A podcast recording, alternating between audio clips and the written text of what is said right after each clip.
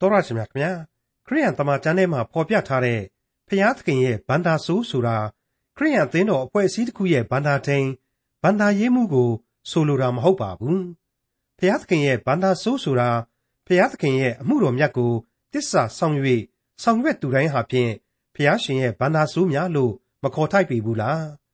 တာရုတစ္ဆာရှိသောငယ်သားကောင်လို့ကယ်တင်ရှင်သခင်ယေရှုခရစ်တော်ကိုတော်တိုင်ကထောမနာပြုချီးမွမ်းခြင်းခံရသူ ခရိယန်ဓမ္မအမှုတော်ဆောင်ခရိယန်သာသနာအမှုဆောင်တွေပဲဖြစ်တယ်လို့မခံယူထိုက်ပေဘူးလား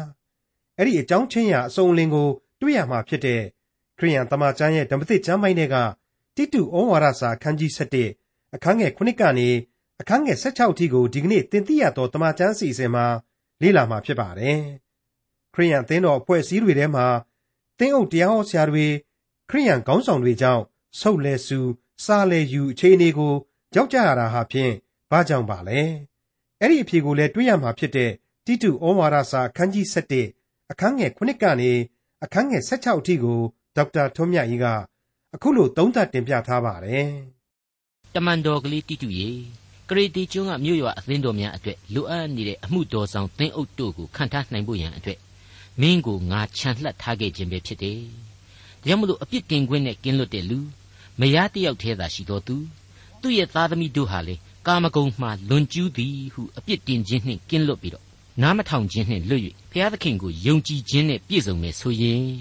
အဲ့ဒီလူကိုသင်းအုပ်အဖြစ်မင်းခန့်ထားပေးပါဆိုပြီးတော့ပြီးခဲ့တဲ့တိတုဩဝါဒစာမှာကျွန်တော်တို့တွေ့ကြရပါတယ်။တနည်းအားဖြင့်ကတော့သင်းအုပ်ဆရာတို့ဤတာဝန်နှင့်ဝတ္တရားဆိုတဲ့ခေါင်းစဉ်အောက်မှာသင်းအုပ်တို့ဤအရေးအချင်းဆိုတာကိုပနာမပြိုးပြီးတော့ဖော်ပြခဲ့ခြင်းပဲဖြစ်ပါတယ်။မိတ်ဆွေအပေါင်းတို့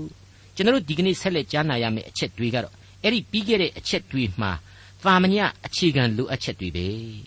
နောက်ထပ်အသေးစိတ်အနေနဲ့အများကြီးကြံရှိနေသေးတယ်ဆိုတဲ့အချက်ကိုမိမောင်းထိုးဖော်ပြသွားမယ့်အပိုင်းပဲဖြစ်ပါတယ်ဟုတ်ပါတယ်ပြီးခဲ့တဲ့သင်ခန်းစာကဖော်ပြခဲ့တဲ့အချက်တွေကိုအတိတ်ကပြီးခဲ့တဲ့တိမောသေဩဝါဒစာပထမစာဆောင်နဲ့ပူးတွဲပြီးတော့ဆင်ခြင်နှလုံးသွင်းကြည့်မယ်ဆိုရင်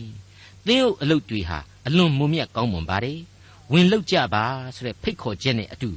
မိမတယောက်ပဲယူရမယ်သားသမီးတွေကလည်းလိမ်မာရမယ်ဆိုပြီးတော့ချီနှောင်မှုတွေကိုပါတပါးတည်းဖော်ပြလိုက်တာဆိုတော့ကောင်းမှုဆိုလို့ငါတို့ကလိုအပ်တဲ့နေရာဒီမှာလဲဝင်ပြီးတော့သင်းဥအဖြစ်အလုပ်လုပ်ပေးရသေးတယ်အကုန်လုံးရှောက်ပြီးတော့အပြစ်ရှာလိုက်တာတစ်ချက်မှမသက်သာဘူးဆိုပြီးတော့ဇောရကတက်ချင်တယ်ဆိုရင်လေတက်ချင်တဲ့လောက်သာတက်ကြပြီတော့လို့ကျွန်တော်တို့ပြောနိုင်ပါလိမ့်မယ်ဒါပေမဲ့ဘာပဲဖြစ်ဖြစ်အဲ့ဒီလုပ်ငန်းရဲ့သဘောတဘာဝကိုက လောကအမြင်မှာစွန့်လွတ်ခြင်းစိတ်ဓာတ်နဲ့သာလုပ်ရသောအလုပ်ဖြစ်နေပြီဆိုတာကိုကျွန်တော်ဘယ်လို့မှညင်းလို့မရနိုင်ပါဘူးအမှုတော်ဆိုတာဟာလေအဲ့ဒီလိုပဲအမှုတော်ပြီးပြီးဆောင်မှသာအောင်မြင်ခြင်းရှိလိမ့်မယ်ဆိုတဲ့သဘောတရားကိုကျွန်တော်ခန်းစားနားလည်နိုင်ခဲ့ကြပြီးသားဖြစ်ပါတယ်ဟုတ်ပါတယ်ဘုရားသခင်အတွက်အစီကိုခံမယ်ဆိုရင်တော့လောကီပျော်မွေ့ခြင်းတွေကိုစွန့်ကိုစွန့်ရမှာဖြစ်ပါတယ်ဆိုတဲ့အကြောင်းကိုကျွန်တော်အထူးပြောနေဖို့လိုမယ်မထင်ပါဘူး စွန့်လွတ်အနစ်နာခံเสียအချက်တွေဟာလေအများကြီးရှိနေသေးတယ်ဆိုတာကိုဒီကနေ့သင်ခန်းစာဟာအခုလိုဆက်လက်ဖော်ပြပေးလိုက်ပါတယ်ပြီးခဲ့တဲ့အခန်းကြီး1ရဲ့အငယ်9နဲ့6တို့ကိုပါပူးတွဲပြီးတော့အငယ်9မှ9ကိုနားဆင်ကြည့်ကြပါငါသည်သင်ကိုမှားထားခဲ့သည့်အတိုင်းကရေတီကျွန်း၌မစုံလင်သမျှကိုပြင်ဆင်၍မြို့ရွာများ၌သင်အုပ်တို့ကိုခံထားစေခြင်းဟာထိုကျွန်း၌သင်ကိုငါထားခဲ့သည်အပြစ်တင်ခွင့်နှင့်ကင်းလွတ်သောသူ မယားတယောက်ချီရှိသောသူဖြစ်လျင်၎င်း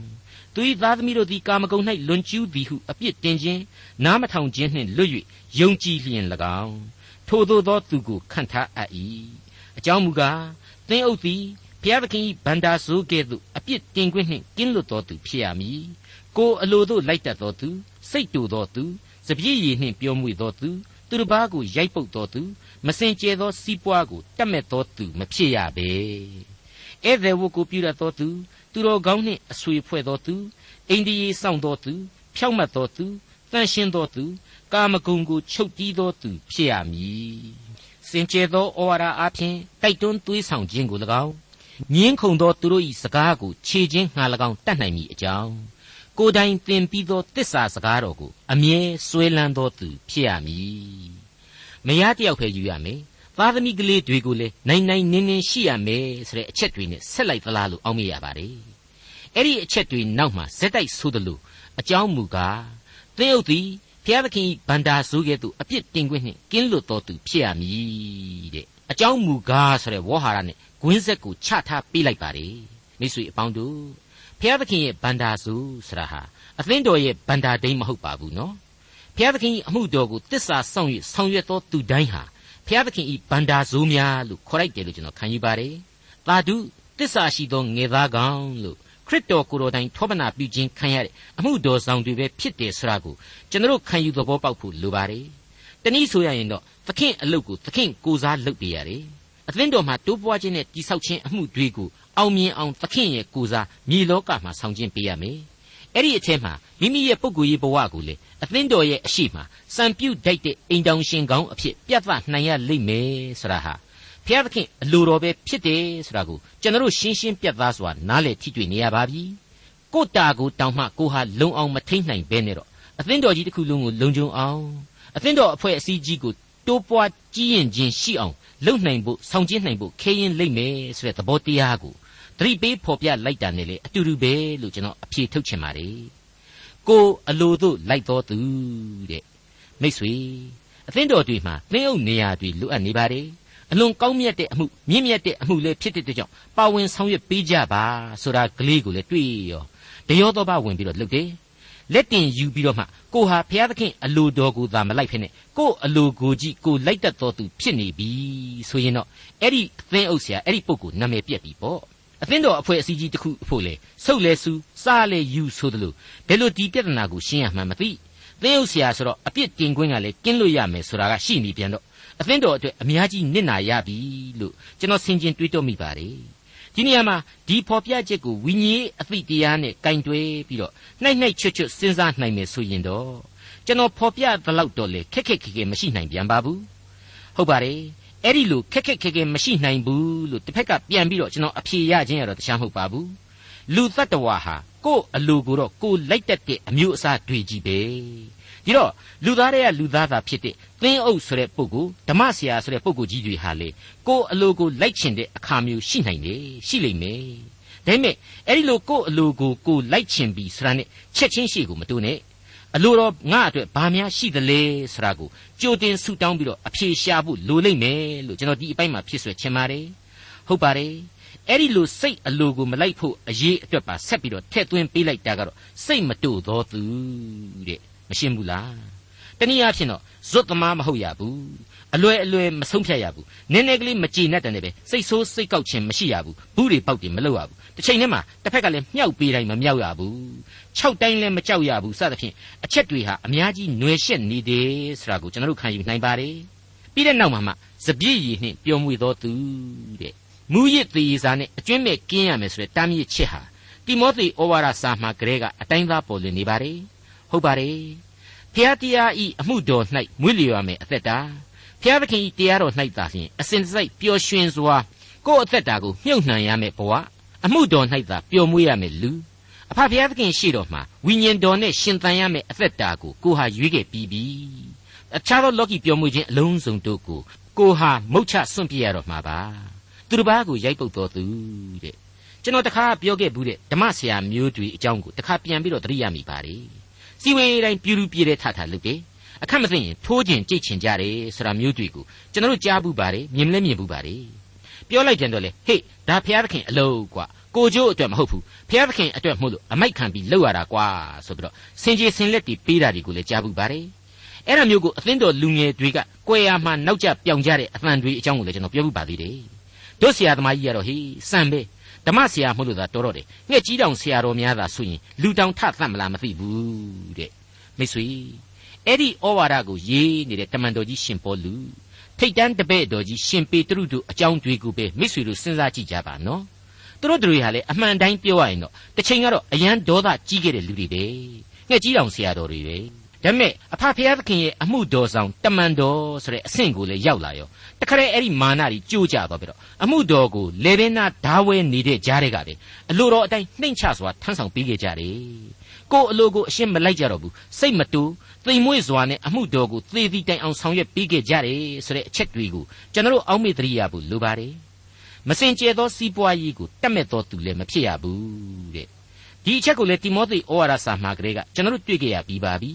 ကျွန်တော်လည်းအတော်အကျယ်တွင်ရှင်းလင်းဖော်ပြခဲ့ပြီးပါပြီ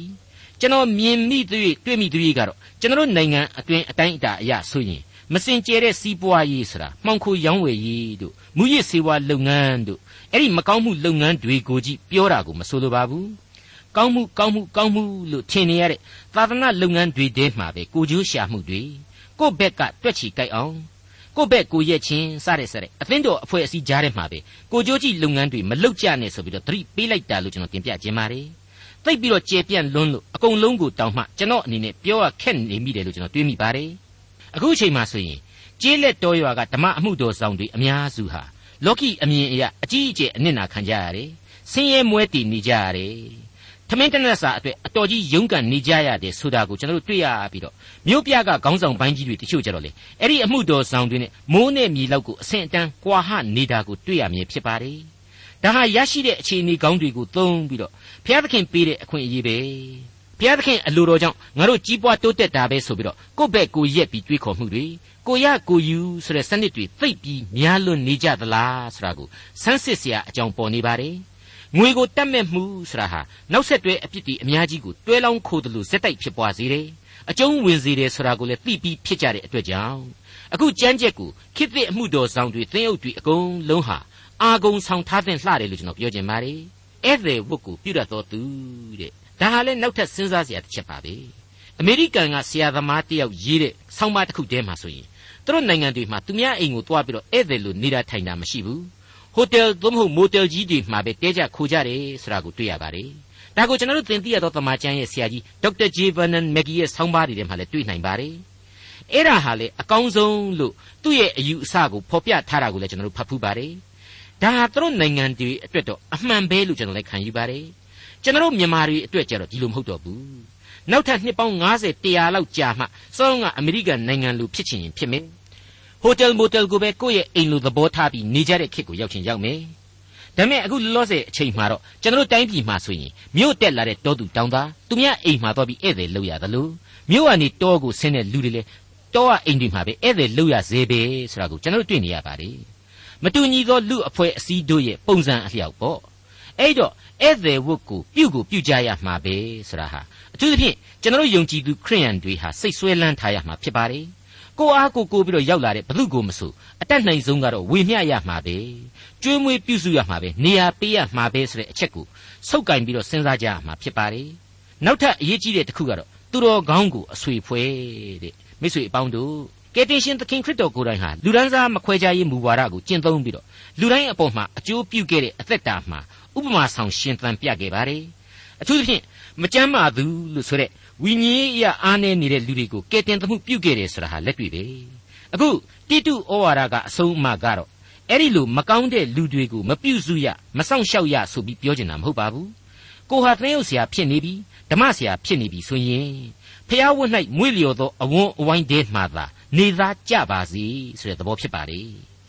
ကာမဂုဏ်ချုပ်တီးပါဆရာဟာအထက်ပိုင်းကလူမှုရေးဆိုင်ရာညွှန်ကြားချက်တွေနဲ့ဆက်ဆက်လာပါတယ် လူသားဟာကာမဘုံသားဆိုတာကိုကြားဘူးကြတဲ့အတိုင်းပဲဘုရားသခင်ချထားပေးတဲ့လူတ attva တွေစီမှာကာမဂုဏ်အာယုံဆိုတာဟာလည်းရှိနေတာပါပဲဒါပေမဲ့ဒါဟာသဘာဝဆိုတဲ့အနတ္တတ attva တို့ရဲ့ရုပ်တရက်လိုအင်သက်သက်ဖြစ်တယ်ဝိညာဏပဂရိနဲ့ဝိညာဉ်ရေးပဂရိနဲ့ဆိုင်တဲ့အရာတော့မဟုတ်ဘူး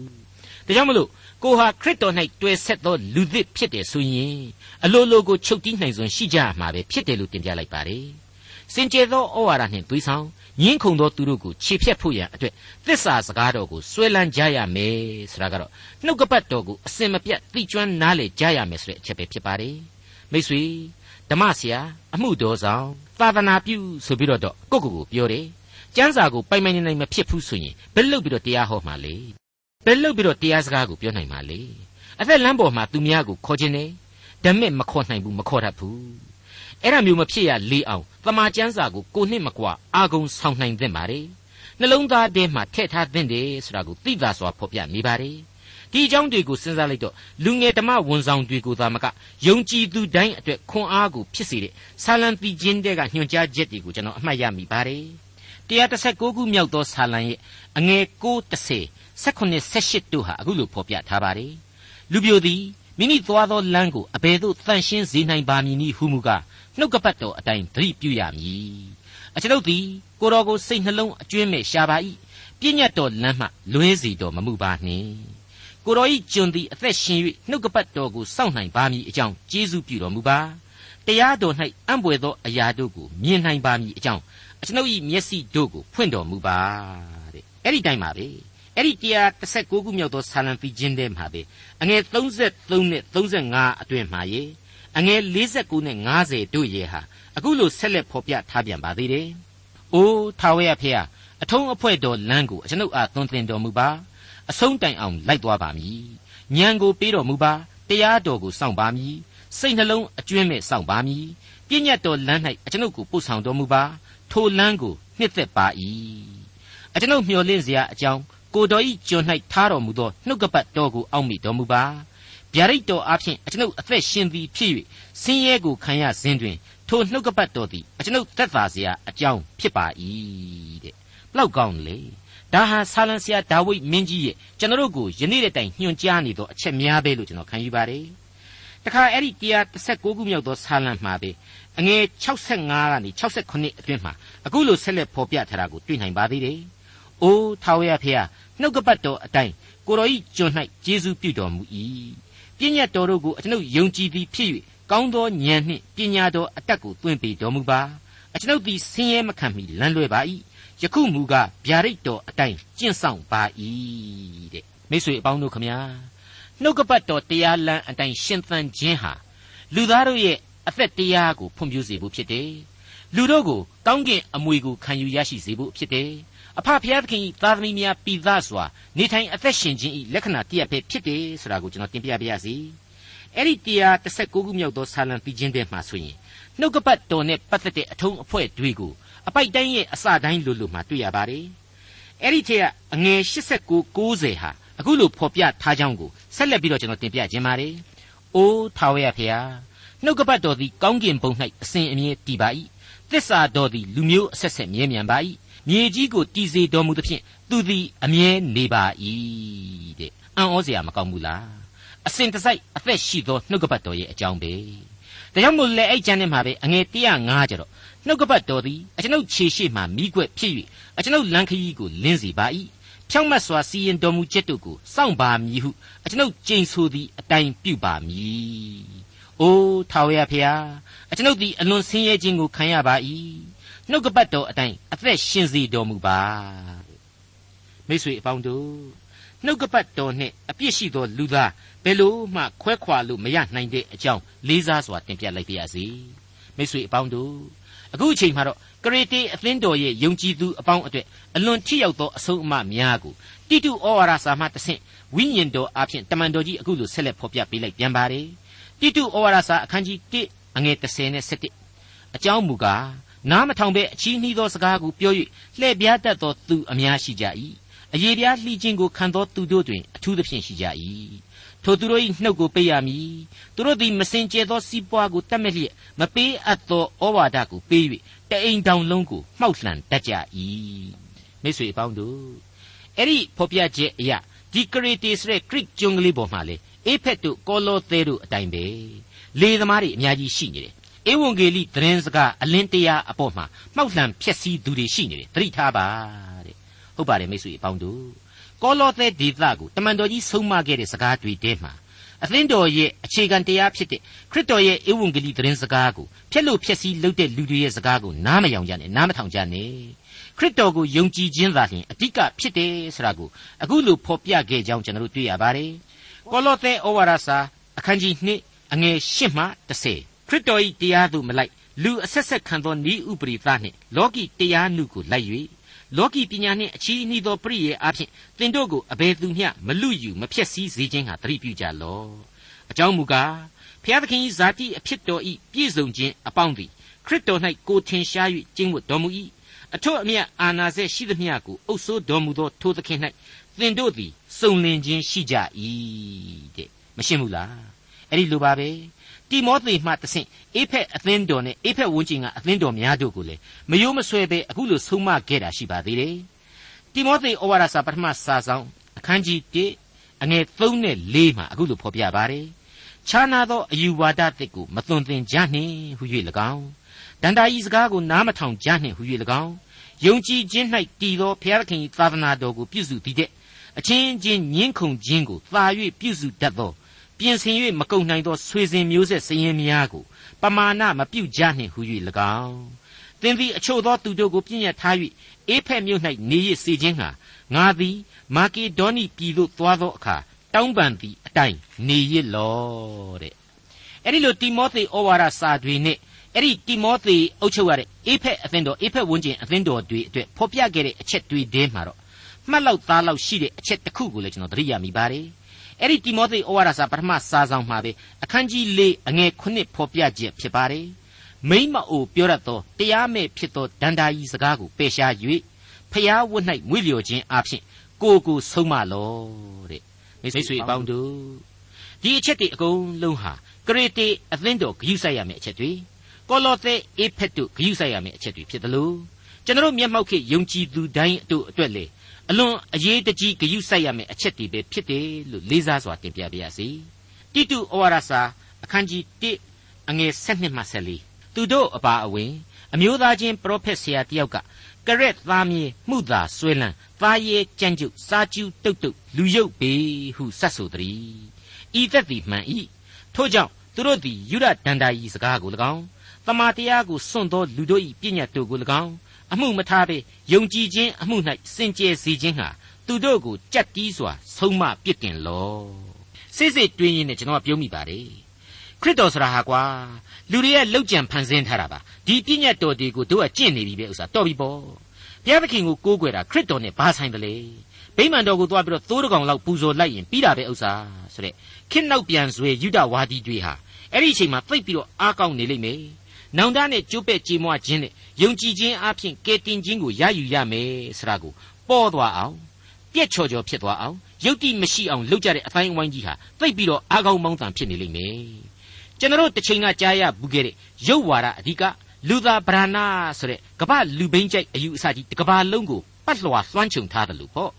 ဟုတ်ပါတယ်စာရေးဆရာတွေကြည်လိုက်ရင်လည်းဒီဝါဒပဲ ကြပြားဆရာတွေတည်ခြင်းရေးဆရာတွေအကုန်လုံးဟာလေအဲ့ဒီတိုင်းပဲလူဒန်းစားတိုက်ပွဲကြီးဝိုင်းပြီးတော့လှုပ်ခဲ့ကြတဲ့ခေတ်တစ်လျှောက်မှာအဲ့ဒီလူသားပရဏတို့ရုပ်ဝါဒတို့ဆိုတာဟာကဘာတဝန်းလုံးလူကြိုက်အင်မတန်များခဲ့တယ်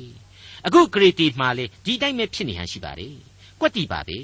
ခရစ်တော်အားဖြင့်ဆိုတဲ့အဖြေကိုအရှင်းမရှာဘူးတလောကလုံးကိုစိတ်နာနေတဲ့ပုံစံမျိုးကြီးနဲ့ကြပြားကြီးတစ်ခါဆက်ထည့်လိုက်တယ်ကရက်သားမြင်မှုသာဆွေးလန်းသားရဲကြမ်းကြုတ်စားကျူးတုတ်တုတ်လူရုပ်ပြီတဲ့ အတိတ်တွေကတော့ကရေတေသားတွေလိန်ညာစကားမှုသာများကြပြီစားကျူးတောက်ကျူးပျော်မြူးလို့နေအဲ့ဒါအကုန်လူရုပ်မာတွေတဲ့အဲ့ဒီသဘောတရားပါသူ့ကိုယ်သူတကယ် philosopher ကြီးဒသနိကဆရာကြီးကြာနေတာပါပဲနော်အဲ့ဒါကိုလေအဲ့ဒီခေတ်ကကရေတေစာဖတ်ပရိသတ်တွေဟာသိသဘောကျပြီးတော့တရေတများများဖြစ်ခဲ့လိမ့်မယ်ဒါပေမဲ့အဲ့ဒီအဘိဓမ္မာကြီးဘလောက်ပဲမှန်ကန်နေနေမှန်တာနဲ့မပြီးဘူးအဖြေကိုရှာရမှာဖြစ်ပါတယ်အဲ့ဒီအဖြေဟာအဲ့ဒီဆရာကြီးတွေရဲ့အဘိဓမ္မာလည်းမဟုတ် ပြည့်ညတ်တော်တွေလည်းမဟုတ်စကားတစားဆင်ထားတွေလည်းမဟုတ်တမာတရားသာလျှင်ဖြစ်တယ်ဆိုတာကိုကိုကနားလည်ထားပြီးတော့ဒီလူတွေကိုကျင်ရှောင်းပြီးတော့ပြန်ပြီးတော့တောင်းမှဆုံးမလိုက်ပါတဲ့လမ်းပြလိုက်ပါတဲ့ကျွန်တော်တော့ဒီအပိုင်းကိုသိသဘောကျနေမိပါတယ်ကျွန်တော်စောစောကဥပမာပေးတာနဲ့တစ်ချက်မှမလွဲပါဘူးရေးလိုက်တဲ့စာပေတွေဖွဲ့လိုက်ကြတဲ့သချင်းတွေဆိုတာဟာကျွန်တော်ငငယ်တုန်းကမနေဘူးလေပစ္စည်းမဲ့ဒေါသသံတွေအရင်မဲ့တို့ရဲ့အချစ်ဘွဲ့တွေအရင်ရှင်တို့ရဲ့ဟန်ဆောင်မှုလောကကြီးအကြောင်းတွေ လောကကြီးတစ်ခုလုံးမတရားဖြစ်နေတာတွေစသဖြင့်စသဖြင့်လွဲသလားမေးရင်တော့လေတခုမှမလွဲပါဘူးမှန်ခဲ့တာပါပဲလူတွေအကြိုက်လဲအမှန်ပဲဖြစ်ခဲ့တာပါပဲတရားမျှတတဲ့လောကနိဗ္ဗာန်လို့ခေါ်တဲ့ယူတိုပီးယားဆိုတာကိုလေတောင့်တခဲ့ကြတာဟာလူတွေရဲ့နှလုံးသားထဲမှာအမှန်ပဲတောင့်တခဲ့ကြတာပါဒါပေမဲ့အဖြေကသူတို့စီမှာမရှိပါဘူးနော်မရှိတော့ပေးလဲမပေးနိုင်အကျိုးလဲမပြု အကျိုးမပြုနိုင်တဲ့အပြင်လူပောင်ကိုအများကြီးဖျက်ဆီးပစ်ခဲ့သေးတယ်ဆိုတာကိုကျွန်တော်အလေးနဲ့စဉ်းစားမိပါတယ်မိတ်ဆွေသူတို့လိုချင်တဲ့အဖြေကတော့ခရစ်တော်ကိုယုံကြည်ခြင်းပဲသမာတရားပဲအဲ့ဒီအချက်တွေးကိုသမိုင်းစဉ်တွေအကုန်လုံးဟာထောက်ခံပေါ်ပြနေပါပြီအခုတိတုဩဝါဒစာအဖြစ်လေပို့ပြီးတော့ရှင်းလင်းနေစေပြီလို့ကျွန်တော်ဆိုချင်ပါတယ်တိတုဩဝါဒစာအခန်းကြီး1အငယ်15နဲ့16အဆုံးအထိ စင်ကြယ်သောသူတို့အားခတ်သိမ်းသောအရာတို့သည်စင်ကြယ်လျက်ရှိကြ၏မစင်ကြယ်မယုံကြည်သောသူတို့အားအဘယ်အရာမျှမစင်ကြယ်သူတို့နှလုံးလည်းမစင်ကြယ်ကိုကိုကိုသိသောစိတ်လည်းမစင်ကြယ်သူတို့သည်ဖျားသခင်ကိုသိအောင်ဆောင်တော်လဲအကျင့်အားဖြင့်ဖျားသခင်ကိုညှင်းပယ်ကြ၏ဆက်ဆုပ်ယွန်ရှာပွေသောသူနားမထောင်သောသူကောင်းသောအမှုတစ်ခုကိုမျှပြုတတ်သောဉာဏ်မရှိသောသူဖြစ်ကြ၏မိတ်ဆွေအပေါင်းတို့ လူတ attva တိုင်းအဖို့အလွန်လွယ်ကူလှတဲ့အသက်လမ်းဟာအပြစ်စာတိပဂရိအမြင်နဲ့ကြတော့အလွန်ခက်တဲ့လမ်းလို့ကြပြောင်းကြပြန်ဖြစ်သွားရတယ်ဆိုတဲ့သဘောတရားအတိုင်းပါပဲခရစ်တော်ရှင်ရဲ့ကားတိုင်းလမ်းကိုအပြစ်ဒုစရိုက်အနှောင်အဖွဲ့ကနေလွတ်လပ်စွာသွားနိုင်ပါတယ်ဆိုတဲ့လမ်းခရီးမှာသာဝရအသက်လမ်းရှိကြီးပေါ်မှာအရေးမကြီးတဲ့ပြည့်ညက်ချက်တွေအစဉ်အလာအထုံးအဖွဲ့တွေ ဟိုဟာရှောင်ရမယ်ဒီဟာမစားရဘူးဘယ်နေ့မှဖះရှိခိုးမှမှန်တယ်မှားတယ်ဆိုတဲ့အယူသီးမှုတွေဟာဒုက္ခစတင်ပေးလျက်ရှိနေခဲ့ပြီအရေးကြီးတာကတော့ယုံကြည်ခြင်းတရားသာလျှင်ဖြစ်တယ်ဧဝံဂေလိဝမ်းမြောက်ဖွယ်ကယ်တင်ခြင်းတရားသာလျှင်အဓိကဖြစ်တယ်ဒါကိုခံယူပြီးတော့အသက်လမ်းကိုတက်လှမ်းယုံသာရှိပါရဲ့နဲ့အခက်မကြုံကြုံအောင်လမ်းမလွဲလွဲအောင်လုပ်နေကြတာတွေဟာမစင်ကြဲသောလူနှလုံးသားနဲ့ဇာတိပဂရိညံကလာတဲ့အတွေးအခေါ်တွေသာဖြစ်တယ်ဆိုတာကိုသတိတရားရယူနိုင်ဖို့အတွက် တိတုဩဝါဒစာဟာဖော်ပြပေးနေပါတယ်ကျွန်တော်မိษွေတို့ကိုယ်တိုင်ဟာအဲ့ဒီလိုလူမျိုးတွေမဖြစ်ဖို့လိုတယ်အဲ့ဒီလိုလူမျိုးတွေနဲ့တွေ့ရင်လေနားမယောင်ဖို့လိုတယ်ဆိုတာကိုတိတုမှတဆင့်တမန်တော်ကြီးရှင်ပေါလုဆုံးမဩဝါဒပြုလျက်ရှိနေပါတယ်ဒေါက်တာထွန်းမြတ်၏စီစဉ်တင်ဆက်တဲ့တင်ပြရသောတမချန်းအစီအစဉ်ဖြစ်ပါတယ်နောက်တစ်ချိန်အစီအစဉ်မှာတော့တိတုဩဝါဒစာအခန်းကြီး2အခန်းငယ်1ကနေအခန်းငယ်8အထိကိုလေ့လာမှာဖြစ်တဲ့အတွက်စောင့်မျှော်နားဆင်နိုင်ပါတယ်။